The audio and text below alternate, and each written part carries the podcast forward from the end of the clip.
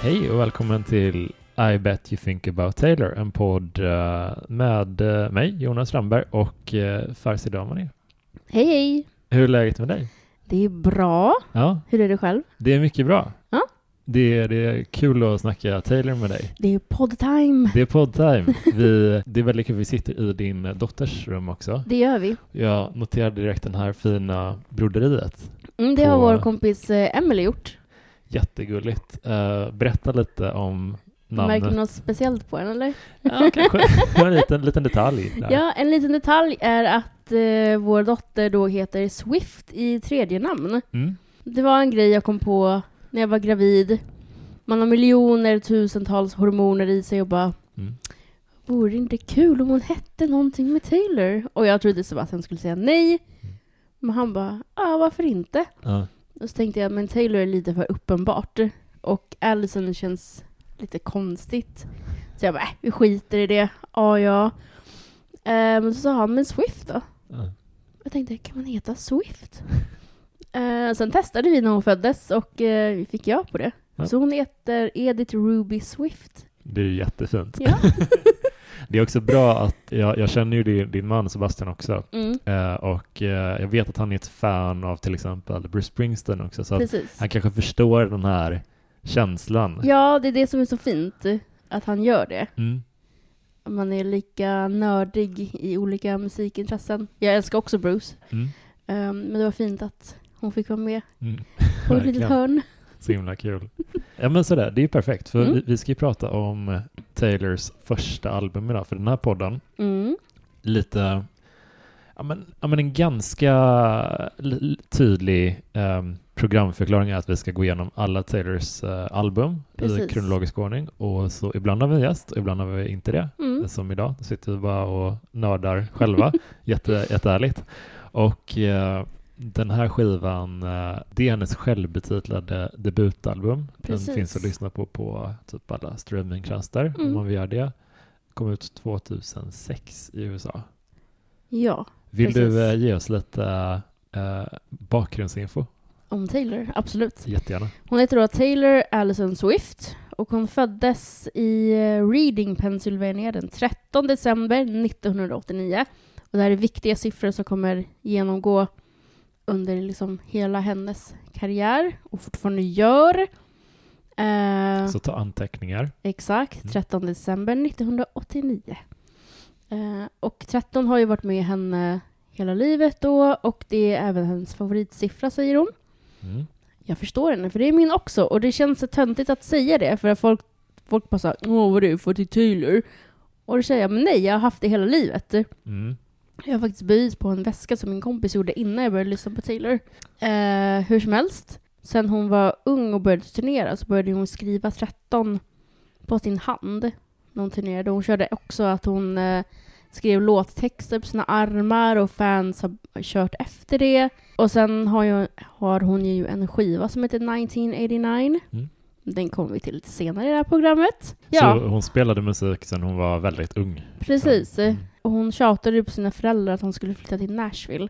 Kul. För att hon ville bli countrysångerska.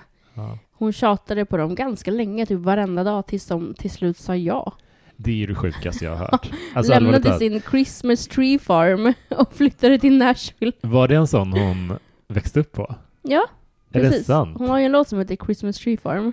Jag trodde den bara skulle vara lite så en gullig jullåt, men hon Ah, växte nej, upp hon växte på upp där. där de odlade Ja. julgranar. Och sålde dem. Det är så excentriskt. Ja. Det är ju lite så här Zoe de Chanels eh, background story liksom någon...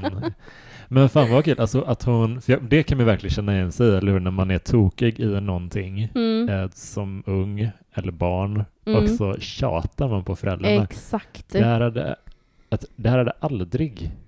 Eh, jag, jag hade inte fått flytta till Göteborg Nej. en timme bort. Eh, hur mycket jag än ville det, vilka, vilket case jag än hade. Exakt. Jag ville typ bo i eh, villa och radhus när jag var liten, för mina Mm. kompisar gjorde det. Mm, Men det var inte så att mina föräldrar bara okej, nej, utan nu flyttar de från en helt annan delstat till en annan. det är en bra bit också. Ja, men fina föräldrar också som Ja, bara, okej men vi, vi tror på dig då. Ja. För antagligen hade väl hennes pappa, jag vet inte vad hennes mamma gör, men Mm. hennes pappa har väl haft alltid haft företag så att han har väl kunnat jobba var som helst. Typ. Ja, men så har man då, men, men det känns som att de kanske, om man vill sätta sig in lite bara kort i rollen som hennes föräldrar, Mm, att de kanske bara ville se att det här inte var en uh, tillfällig ett Exakt. nyckel bara, utan att hon faktiskt på riktigt var dedikerad till det. Så då kanske det är bra att vänta två år. år. exakt. och inte bara en sig? vecka. Absolut, Exakt. vi flyttar för din skull. Men ja, kolla hur bra det gick. Ja, fint. Ja.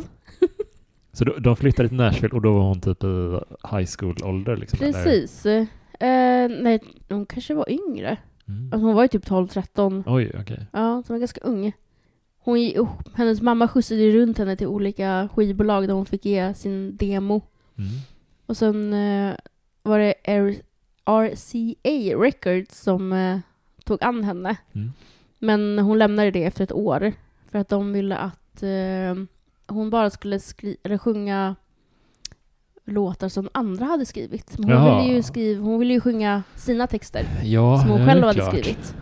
Fan vad, när man har lite koll på henne sen i efterhand, vilken, vilket sjukt eh, krav att ställa på just henne. Verkligen. Var ja, men fan, ja, Men de tänkte väl att hon är ung, henne kan vi styra och ställa hur vi vill. Ja. hon hade sin vilja. ja, ja, bra, bra val. Det hade varit jobbigt om den Taylor man kände till idag var en, en 100% en coverartist typ. Åh gud vad trist. Men eh, signade hon då på Big Machine Records eh, kort därpå? Nej, hon eh, skrev på, på hos Sony. Mhm. Och sen, det var 2005 och 2006 skrev hon på ett skivbolag, eller skivkontrakt hos eh, Big Machine Records. Mm. Där hon var fram till 2018. Big Machine ska sen spela en ganska stor roll i varför hon valde att eh, göra The Matt Taylors version Precis. också. Så- Men vi kan återkomma till det. Vi ko- återkommer till det. Kul, bra cliffhanger. Hennes platta, om man ska ta lite känslor kring den kanske. Mm. När hörde du den första gången? För du Först- upptäckte ju Taylor, om man lyssnar på förra så upptäckte du henne i, vid 1989. typ. Precis. Eh, om jag ska vara helt ärlig, jag tror vi sa det lite i vårt introavsnitt också, att ingen av oss har ju lyssnat på skivan speciellt mycket. Nej. Um, förrän typ vi började prata om att vi skulle göra den här podden. Mm. Ehm, så i ungefär två, tre veckors tid har jag lyssnat ganska intensivt på den här skivan. Mm. Innan har jag tänkt att nej men det är för mycket country, det är inte min grej, jag orkar inte lyssna på det. Eh, men sen när jag väl lyssnat på det så inser jag okej, det är inte så farligt. Country är ganska trevligt. Mm. Den är ändå poppig och bara, man hör ju hur mycket hon har utvecklats. Verkligen. När de släppte nyheterna om, om att hon skulle göra den här Speak Now, Taylors version, som kommer Mm. nu i juli, då började jag lyssna ganska mycket på originalversionen bara för att så här fräscha upp minnet lite. Mm. Mm, men jag tycker typ att hon låter äldre som sångerska på den här Mm. än på Speak Now. Att, att hon har liksom en annan... Det är något annat med hennes röst typ. För det, det är som album betraktat så Mm. det är ju en eh, pop country skiva om man ska säga någonting förenklat om den. Ja. Typ eh, mycket, mycket om att växa upp i en liten ort typ och Mm. eh, vara kär och vara arg och längta efter något annat. Exakt. Sådana grejer. Allt man relaterar till själv. Precis. Många, många riktigt fina låtar tyckte jag faktiskt. Men, ja, det håller jag med om. men jag- läste en grej som var ganska intressant i varför, det, det, är- klart att den kan stå på egna meriter, men om man vill ha lite så här kontext typ, Mm. till just country pop-scenen i USA vid den här perioden så 2003 tror jag det var ganska exakt så eh, The Chicks, då kända som Dixie Chicks, Mm. de hade gjort det här, det här berömda spelningen där Natalie Main som är sångerska, hon Mm. hade varit i Texas tror jag Mm, och sagt att jag skäms för att vara från samma delstat som vår president typ. just det. Eh, Hon sa i alla fall det, oavsett Mm. vad det var nu. Men det gjorde att väl alla countrystationer typ ryckte dem från sin rotation. Så att de ströps ganska ordentligt. Mm, Vilket också ledde till att det fanns liksom ett hål i marknaden, Mm. efter, eller liksom på countryscenen. Vi, en, en poppig kvinnlig mm, artist. Liksom. Det saknas liksom en stor akt som har försvunnit. Så det kanske också var en del av anledningen till att hon lyckades liksom komma in lite på den scenen. ja, säkert. Men det är en konstig scen, countryscenen tycker jag. Alltså, Har du liksom hängt med? Har du någon koll på den? Ingen alls faktiskt. Det är nästan som ett eget ekosystem. Jag Ja. läste på lite, typ att det, de har sin egen prisskala, det är sina egna radiostationer. Det, Precis. Alltså jag brukade lyssna på The Chicks när de var Dixie Chicks när jag var yngre. Mm. Typ, det var väl de som gjorde I'm not ready to be nice. Ja, just Eller det. något sånt där. Och jag Precis. älskade den, så dramatisk. Ja. Ehm, Den gjordes ju eh, som en comeback-låt efter det här hatstormen Ja, som de hade. det. Okej. Så det, det är verkligen bara äkta känslor typ. Härligt. Ja, det är toppen. Men eh, jag läste att det fanns liksom lite farhågor på skivbolaget typ när den här skivan kom att Mm. eh, den, in, den var lite för poppig för Mm. att pila till countrypubliken. Så Taylor la ganska mycket tid på att turnera på radiostationerna Mm. med eh, låtar därifrån. För vissa ord hör man ju att hon kör en lite så här country twist på det. Mm. Och jag hörde ett rykte, jag vet inte om det stämmer, men att hon sa typ när hon var yngre att hon eh, hade den, alltså hon pratade med den dialekten. och sen har det ju framkommit att det gör hon ju inte alls.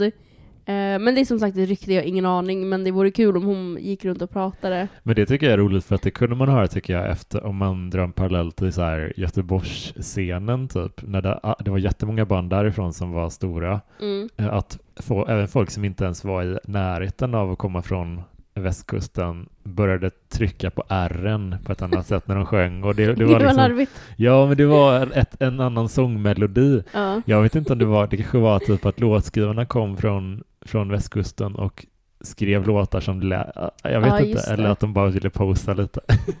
Men kolla, vi är också ett coolt Göteborgsband. Exakt. Nej men, eh, och sen så turnerar hon ganska mycket med typ många eh, countryartister också Mm. för att eh, säkerställa den. Så det är en lite speciell värld man rör sig nästan typ. Alltså jag, Ja. jag är inte helt bekant med den men jag har förstått att den är ganska udda country, countryscenen i USA. Intressant. Och väldigt stor.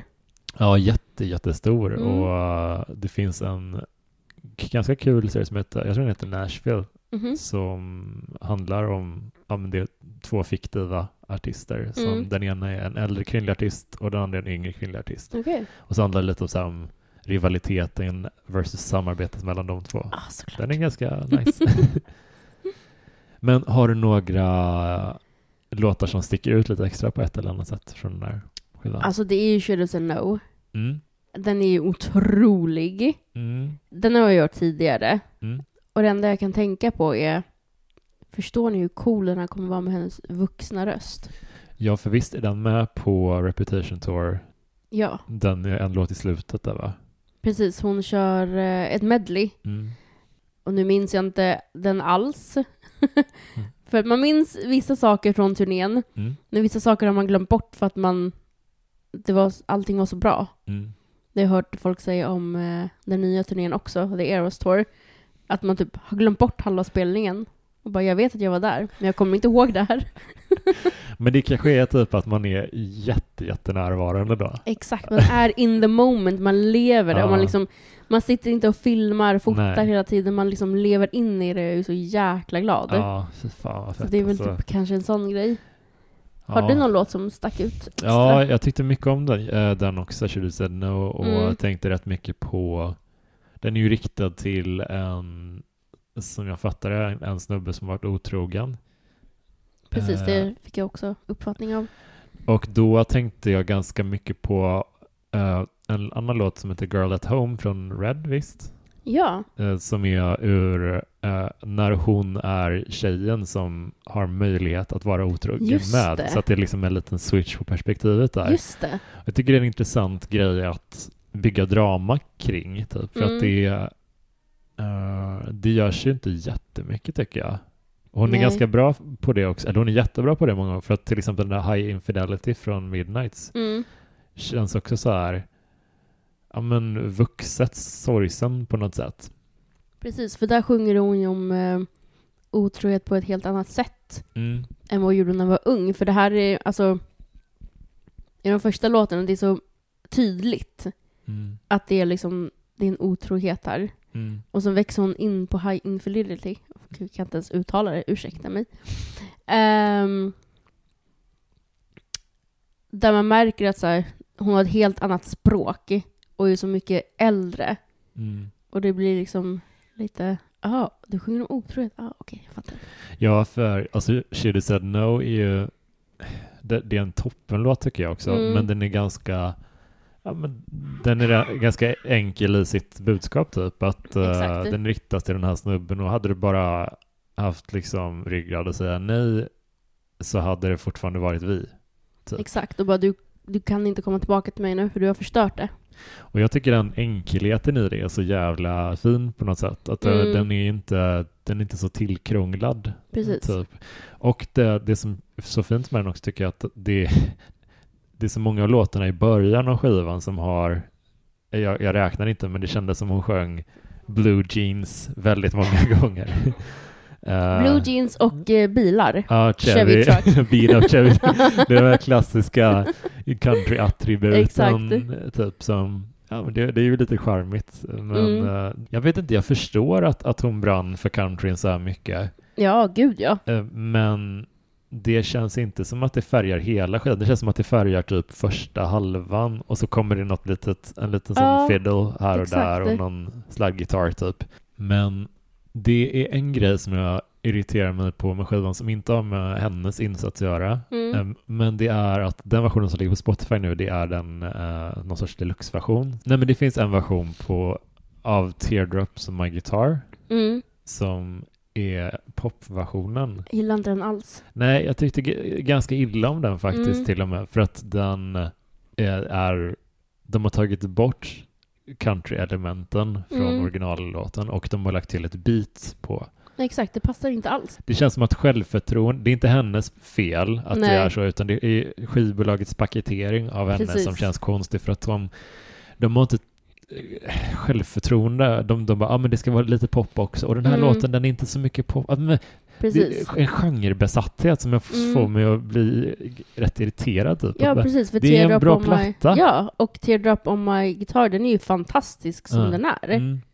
Så jag vet inte varför man vill göra det där. Nej men, Men, det, det är en sån fixering vid typ, att det ska passa in på country och det är en sån otrolig ängslighet som jag tänker typ att vi i Sverige hade den lite på kanske 90-talet när, Mm. när pop eh, och bibel och alla de där tidningarna var så, de var så besatta och delade in saker i genrer och saker var in, rock och pop kunde inte fusas typ och det var sådana Mm. dumma grejer bara. Exakt.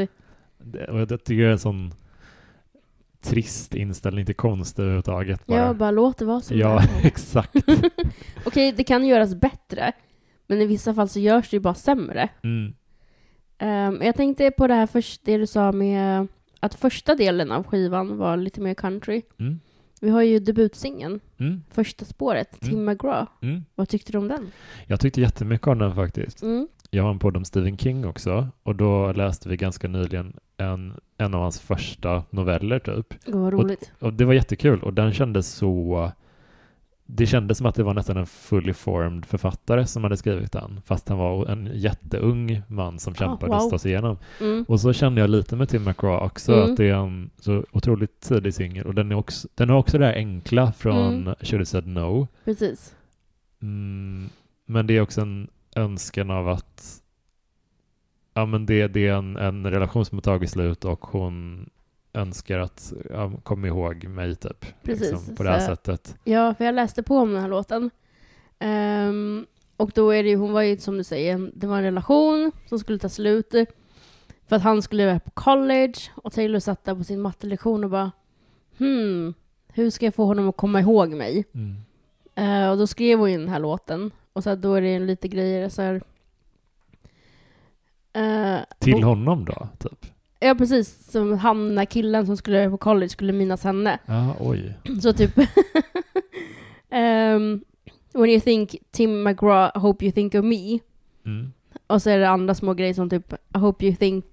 Uh, when you think uh, happiness, I hope you think that little black dress. Mm. Man bara, Taylor, Mm. du är 14. Mm.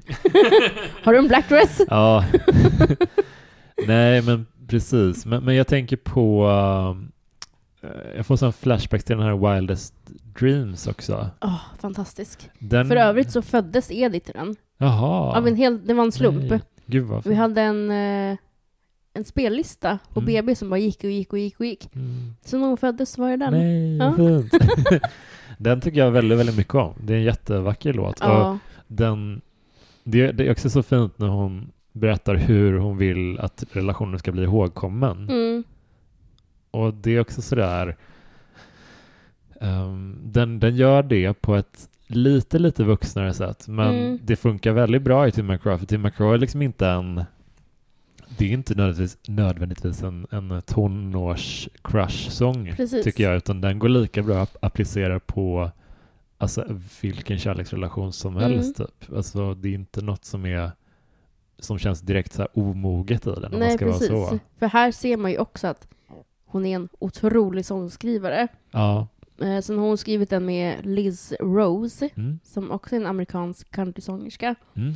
Jag läste att de skrev den på en kvart för Taylor var så inspirerad. Mm. Så gulligt när man läser om så här Lila Taylor som har typ sagt där i intervjuer och man ömmar för henne när hon sitter där i sitt fina lockiga hår och berättar om sin musik och man vill bara åh, du är så gullig! Eh, Men redan här märker man ju att hon är en otrolig sångskriverska. Verkligen. Säger man sångskriverska? Nej, det gör man inte. Låtskrivare. Låtskrivare, ja, Ja. ja. det låter bra. men, men jag tänkte på, den handlar ju om att eh, eh, hoppa, när, du, när du hör den här låten, hoppas du Mm. kommer ihåg oss då, eller tänker på mig. Precis. Vet, vet man, eller är du någonting om hur, Tim McGraw har tagit den här? Alltså de har Låten. ju spelat den här live tillsammans. Jaha. Eh, För han är också en countryartist. Precis, han är en countryartist hon, som hon älskar. Um, jag såg något klipp på när hon sjunger den här, jag tror det är den. När hon typ går fram till honom och så presenterar hon sig. Jag tror att det är han, men det, och det ser så gulligt ut. Och han ser så glad ut. Mm. Ehm, så jag vet inte om det var på någon turné han var med och sjöng den här och spelade den tillsammans med henne. Alltså jag, jag kan inte någonting om, det var ingen kalkyl tror jag från hennes sida, men jag tror att Mm. de, jag tror inte skivbolaget blev ledsna när en ung kvinnlig countryartist kommer och säger att jag har en låt där jag namedroppar en äldre manlig. Exakt. Perfekt, nu har vi bryggat det här. Då har vi den manliga, den manliga publik som kanske hade varit lite tveksam att lyssna Ja. på en, en ung kvinnlig debutant. De är aboard. Det är också tråkigt Mm. att det är för, jag, jag, jag bara tänker som en skadad PR-person i huvudet. Men det känns så, av det lilla man har läst om countryvärlden. Ja. Så, sen är det ju en toppenlåt så det gör ju ingenting. Det var en bieffekt i så fall. Exakt, men tänk också hur många som har upptäckt honom genom att hon har en låt Mm, med Tim Gud ja, jag hade ingen aning om vem han var innan Inte jag heller. låten. Eh, Så att jag har lite koll nu, men alltså det är ju mest. så det går väl both ways antar jag Exakt. faktiskt. Det är bra sagt. Har du någon annan låt du gillar? Jo, Mm. jag har en grej Ja, som jag vill berätta för dig. säg. Hon har ju en låt som heter Picture to Burn. Ja, I, eh, en rivig uh, hatlåt. exakt. Det var lite, Eh. det, det, på, förlåt, du, du, jag vill jättegärna höra det du har att berätta. Ja, kör. men, men jag känner mig lite som en idiot. Jag tror det var i förra avsnittet jag nämnde något om att det var på Speak Now som hem, den, den Taylor som hämnas med låtar föddes. Det var ju väldigt förenklat. Men det, hon gick hårdare på det där, men man kan ju se Ja. väldigt mycket spår av det redan här på, särskilt den här låten. Ehm, när hon skrev den här låten, det finns, det fanns även på en version av skivan, men nu är texten ändrad. Mm. Men ehm, i första liksom, texterna ehm, så sjunger hon om att hon inte fick sin perfekta fantasi och typ att eh, personen som hon trodde älskade henne älskade sig själv mer än Taylor. Och att ehm, den här personen säger att hon är obsessive and crazy. Då ska hon hämnas Mm. genom att säga That's fine, I'll tell mine that you're gay. Men Ja. det här är ändrat nu. Mm, mm. Så de har ändrat till eh, That's fine, by the way. Um, you don't, eller, by the way, you won't mind if I say. Och sen kommer refrängen om att hon Ah. hatar hans stupid Ja, fuck, Okej, liksom. ja men då, då jag trodde att det var något annat som hon hade bytt ut emot eh, när du började berätta att hon hade bytt ut.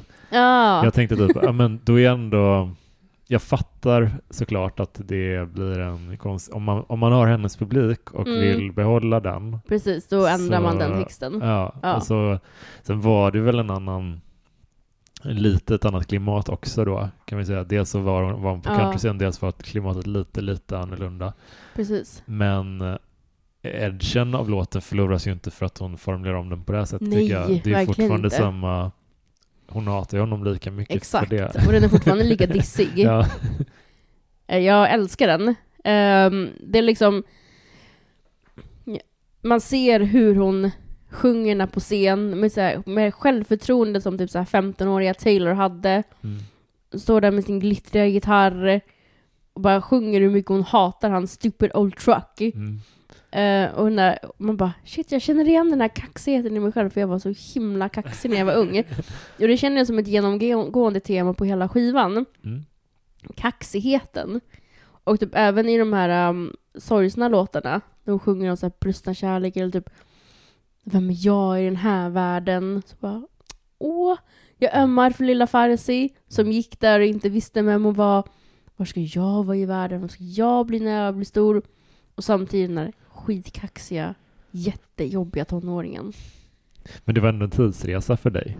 Det var det. Så jag är ändå lite glad att jag upptäckte skivan nu. Mm.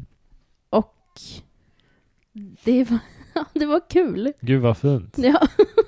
Det, det är inte... Jag, jag känner... Jag fick kanske inte samma känslomässiga eh, tidsresa av den, men jag tyckte mycket om eh, hur det var att färdas till 2006, typ, eh, Mm. när den kom. Och hur musiken var lite då. Alltså det, poprocken eller popcountryn lät ju typ så här. Precis. Det är ett väldigt speciellt sound. Det är ganska, ganska mjukt om man ska försöka. Jag är ingen musik, eh, alltså så här, producent eller någonting, men det känns som ett ganska ljud, ljudbilden är ganska Ja, eh, behaglig överlag. precis. Det är inte Och så jag, hårt. nej men jag, när jag hörde att folk sa att det här är hennes countryskiva, då tänkte jag att shit, hur mycket country är det? Mm. Det är som vi sa tidigare, att det är inte så mycket country. Nej, Alltså det är väl typ, hon har en banjo, hon sjunger lite med liksom dialekten, men overall så bara, jag trodde det skulle vara mer country. jag med faktiskt. Det, Ja. det är mer eh, typ jag lyssnar inte så mycket på de artisterna, men det, det finns några av de yngre eh, countryartisterna som, eller de är väl, ja, den nya generationen i alla fall, Mm, som har lite mera ett poppigare sound typ. mm. Mm, så här kritvita cowboyhattar och grejer. Helt så här oanvända boots. Otrolig estetik. Ja, det är, jag kan ändå sakna lite så här outlaw countryn typ från uh, Waylon, eller Shooter Jennings och sådär lite. Waylon också. Men eh, det är lite kul med glam countryn också på något Det sätt. är ju det. Men väldigt lite country överlag tycker jag också. Det, Mm. det är som sagt lite sådana här, eh, lite på gitarrerna ibland och lite på de Precis. här, eh, ja, men, ja, bara hur arrangemanget ser ut. Men det är inte så, det är inte så jätte, jättemycket faktiskt. Nej, och ja, nej, jag trodde sagt att det skulle vara mer. Det hade inte gjort om det var mer. Nej. Men därför blir man ju nyfiken på hur hon kommer göra den här som Taylors version. Ja, Om det hon, eh, kanske var...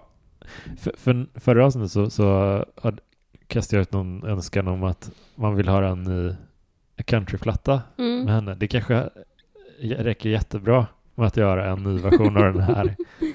Faktiskt. Alltså för Ja. att det, då kanske hon kan angripa den med, med det, de verktygen hon har nu. Liksom. precis, för då, jag kan tänka mig att hon var väldigt styrd då. Mm. Och nu ligger hon ju på ett skivbolag där hon har väldigt fria tyglar att göra vad hon vill. Mm. Så jag kan tänka mig att hon kanske slänger in lite mer. Mm. Men så kanske... Jag tänker att hon kanske väljer andra Vault-låtar. Mm. i The Vault, som det kallas. Just det. Där kanske det kommer några andra Ja, starkare countrylåtar. Hoppas. Eller hur? Tänk dig en riktig sorgsen countrylåt Ja, ja. med hennes vuxna röst. Ja, det, det är toppen. Mm. Det, är, det är också så kul för att man märker att hon är skolad i det. Mm. Hon är väldigt bra på att använda sin röst, liksom väldigt så här, på ett väldigt dynamiskt sätt. Precis. Liksom.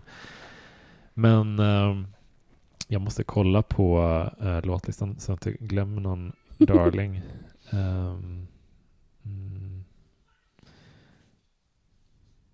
Just det. Jo, jag tyckte jättemycket om Stay Beautiful också. Jag tänkte precis också prata om den. Ja, vad kul. Ja. vad roligt.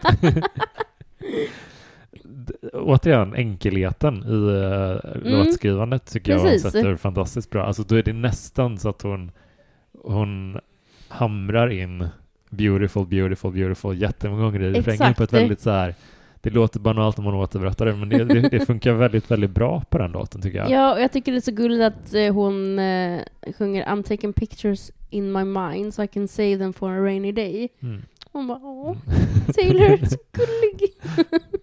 Ja, men alltså, ja den är fin. Nej, det är, det är en catchy låt. Mm. Jag har verkligen suttit och så här, lyssnat på dem och bara lyssnat på det när jag har jobbat för att vi får göra det på jobbet om det är någonting vi gör som är liksom enformigt. Mm. Uh, sitter man där med en hörlur och så här tralla Mia och gör sitt jobb. Men vilken är din, eh, om du måste välja en låt på den här skivan som du inte kändes så mycket för, som ändå kändes att den där hade kunnat Ehm, skippa? Jag kände inte så mycket för eh, Tied Together with a Smile. Nej, Den var lite så här, ja ja. nej, jag håller med. Jag tycker inte den var så jäkla kul faktiskt. Nej. Förlåt till alla som älskar den. Ja, det, det, det finns garanterat eh, ett gäng. Jag tänkte kanske, jag hade lite svårt för Picture to Burn faktiskt. Mm. Um, också låter så dumt kanske när man ena sekunden önskar en ny countryskiva och så tar, plockar man ut en av dem som låter mest countryösigt Nej, men jag fattar vad du menar. Jag tycker den låter lite posig typ, som att hon vill vara att hon tar på sig en, en countrydräkt i den som Ja. hon inte kanske 100% bottnar i. Den har säkert sina fans den låten också som man känner sig som en sånt asshole. Ta inte det personligt, det är bara min åsikt. Eh, och den är, jag hade inte bestämt den innan vi började spela in det, jag bara kommer att tänka på det nu. En rolig grej med den låten var att eh, när vi var på um, Are You Ready For It-klubben i Malmö Mm. så, um, alltså vi stod ju och dansade konstant och så vid ett tillfälle så gick vi lite längre bak i lokalen och tog lite luft och sen gick vi in och stod och dansade lite på kanten. Och då går Picture to Burn igång. Mm. Och det här, då var det en låt som jag verkligen inte hade lyssnat på. Eh, och ehm, jag tror Molly re- relaterar till det här också, min Swiftie-kompis. Och den går igång och hela publikhavet står bara och hoppar och skriker och sjunger. Oj, Och vi tittar på varandra och bara, vad hände? vad konstigt. Ja, och bara, vänta, Alla, här människorna- här. är typ 18 år. Ja. När har ni hunnit lyssna på den? Men vad, vad roligt att, ja, men fast den är kanske... Ja, men, Inget illa mot er 18-åringar, ni är Nej, underbara, men jag, jag blev bara så förvånad. Ja, jag fattar verkligen. Men kanske var roligt att den har fått en sån, ett sånt andra liv liksom. Verkligen. Ja, men, det hade och, jag, det var jag också jätteöverraskad av. och det såg ut som att alltså, alla hade ju så kul, Mm. men Det är ju en rolig låt. Alltså, nej, det är ju det. Man kan inte ska hålla på och vara en sån pretto snubbe. du får dina åsikter. Jo, men jag, jag, jag, kan, jag kan fatta, men, men nej, jag tyckte den var lite... Ja. Men roligt att, att de gillar den. Jag blev så förvånad. Ja. Nej, mina favoriter är mer de här lite, alltså, sorgliga uh, Heartbroken-låtarna typ. Ja, Som Tim McGraw och Teardrops on My Guitar. Och... mm, just det. Hur tycker du albumet står sig idag liksom? Jo, men jag tycker det funkar. Mm. Um, för annars hade jag nog inte gillat den alls. Nej. Eftersom varken jag eller du har lyssnat på den särskilt mycket. Mm. Så nej, jag, jag tycker den funkar. Också att man kanske är i ett mode där man längtar efter ny Taylor-musik. Mm. Och så fick man typ en ny skiva fast den är jättegammal men som vi inte har lyssnat på. Mm. Ehm, så det var ju bara en bonus. Det var ju roligt, alltså kan du se någonting som hon har tagit med sig typ till senare skivor liksom från den där, något, något sätt? Ja, men kanske på hur hon, hur hon sjunger om eh, Gud till exempel. Mm. Ehm, för i den här skivan så känns det lite så här oskuldsfullt. och Bara, åh, jag ber till Gud om, eh, ja, typ, om han ska älska mig eller någonting. Och sen tar vi typ Reputation.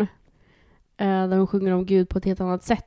Jo, för i Don't Blame Me så sjunger hon ju Lord save me, my drug is my baby. I'll be using for the rest of my life. Mm. Och det känns ju inte som en låttext som hon skulle skriva i början på sin karaktär. Nej, Eller i, i, sin början av, i början av sin karriär. För då kändes det som att hon hade, ja men hon tror säkert fortfarande på Gud. mm. Men att det kanske är mer, inte så os... Hon kan skriva lite mer hardcore om det, eller vad man ska säga. att, att man kanske var lite, lite oskyldigare typ, Mm, i, början. Typ. precis, för att eh, hon, hon var ung. Mm. Nu kanske hon har hittat Gud på ett helt annat sätt. Vem vet? Hon kanske har tappat honom, det vet man inte. Men jag tyckte Ehm. att det, det var en fin grej. Det, det är verkligen jätteintressant. Jag hade inte tänkt så mycket på det. Har du tänkt på någonting? Ehm, det var någon sk- musikskribent, kommer inte ihåg vem det var, men som nämnde att hon, eh, hennes tre första skivor präglades av ett här country-poppigt anslag Mm. typ. Och jag tycker typ att man ser ju det lite i Speak Now och i ehm, Fearless också, Ja, verkligen. men nästan ännu mer här. De andra är, känns poppigare Precis. på något sätt. De känns... Som att de valde läge långsamt. Typ. Precis. Så bara, okej, men nu har jag gjort en countryplatta. Det kanske inte var min grej helt hundra procent. Kanske. Mm. Ehm, men jag gillar hennes popsound. Jag med Älskar det. jättemycket. Eh, Och det, det är lite kul att se liksom hur, det, hur det fejdas in i Mm. en ny del av Verkligen. hennes liv på något sätt. Att inte, ja men vi ska inte eh, prata för mycket om de kommande albumen. De kommer få ett egna avsnitt dedikerat åt sig. Men undrar hur det skulle vara om hon hade kört stenhårt på en countrykarriär och aldrig blivit pop-Taylor. Ja. Ja, Om hon hade, hade hon tröttnat? Hade hon börjat skriva åt andra? jag, jag tror tänk, jag tänker att hon hade blivit, o, oavsett liksom vad hon hade valt för musikgenre så hade hon blivit Mm. äldre liksom när hon varit Precis. i branschen längre och jag tror, jag tror vi fortfarande hade fått se ganska mycket, mycket mörker liksom, Mm. liksom, i, i hennes låt, i hennes uttryck typ. Mm. Sådär, att hon kanske, om man kollar på Dolly Parton till exempel som Mm. varit i branschen i hundra år typ. Mm. Hon, hon har ju otroligt sorgliga mörka låtar Precis. också och det, det blir, tycker jag, bättre många gånger när kvinnliga countryartister gör det Mm. för att det, det finns en annan energi i det liksom. Det, Precis. jag älskar, jag älskar Johnny Cash och uh, Waylon Jennings och Shooter Jennings och massa gubbar också. Mm. Men jag tycker det finns en annan uh, ton typ när, när tjejer sjunger. Alltså när tjejer sjunger country. Det, typ, Ja. det, det blir nästan en annan genre på något sätt. Men kan det vara för att de typ vågar ta ut svängarna lite mer? Det känns som att männen ska vara så himla, nu kanske jag har fel, inte vet jag. Ehm, att de går i en linje och sen kör de på den. För att det typ funkar för dem. Men det, det har du verkligen poäng tror jag. Eh, och det, det blir lite mer intressant för att när Johnny Cash har lyssnat jättemycket på, Mm. han är ju ganska han är liksom väldigt sorgsen figur, liksom, Mm. även i sina yngre dagar och Mm. sina busigare låtar inom stationstecken så, så är det lite så här, det är ändå lite deppigt hela tiden. Ja, precis. Och äh, även hans kollegor är lite samma. Det, det ska Ja. vara, man ska vara hård, och, hårdnackad och, och eh, nedslagen. Typ. Precis. Men kvinnliga artister kan vara det, men de kan också ha på sig en glittrig klänning Mm. och eh, dansa vidare i livet. Exakt. Det är, behöver liksom, inte- det är inte så enkelt att de väljer en enda roll och det tro, Mm. tror jag att det är det jag stör mig lite på med manliga countryartister ibland. När man lyssnar för mycket på dem. För det, ja. jag kan liksom så få faser när jag lys- lyssnar på Johnny Cash Mm. och tycker det är fantastiskt. Men sen så efter två månader så i- lyssnar jag inte på någonting med honom. Blir du, tar du an en Johnny Cash-persona då? ja, men det, det är ofta när jag är lite, när jag är lite deppigare faktiskt så blir det mer Johnny Cash. Ja, men det har varit så här, men kanske om någon i eh, någon anhörig eller någon av ens äldre släktingar har gått bort lite, typ. Då har jag lyssnat lite mer på honom, typ t- historiskt liksom. Men, ja, inte- det behöver inte vara så dramatiskt för det, men men eh, Dolly och Chicks och Taylor kan jag lyssna på nästan hur mycket som helst. Typ. Mm. Det tröttnar inte riktigt på det på samma sätt. Precis. Så jag tänker att eh, typ Johnny Cash, hade du kunnat se honom köra en låt live med typ Harry Styles som Shania Twain har gjort? Det hade varit kul. det var roligt alltså. Men det, det är väl också en...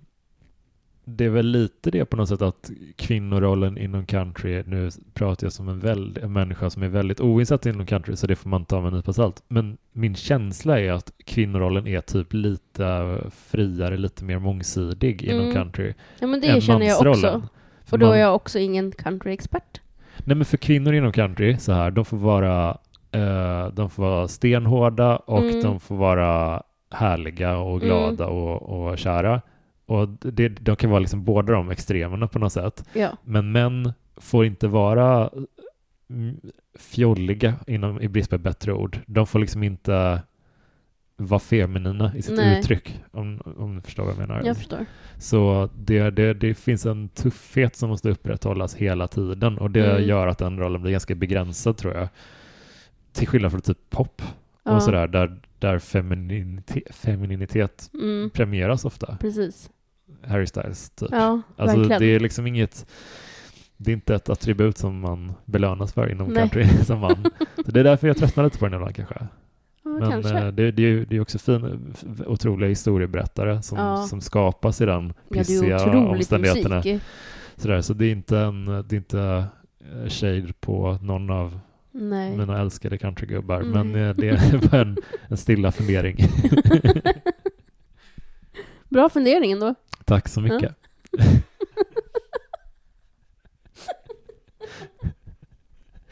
ja, ska vi stänga? Vi svävade bort från Taylor Ja, där. vi gjorde det lite. Ja. Har vi något, några closing words om Taylor Swift 2006? Ehm, jag älskar att hon körde på. Mm. Att hon följde sin dröm. Att hennes föräldrar lät henne följa sin dröm. Mm. Um, annars hade hon... Vem vet vad hon hade gjort idag annars? Mm. Odlat julgranar. Antagligen tagit över mamma och pappas företag.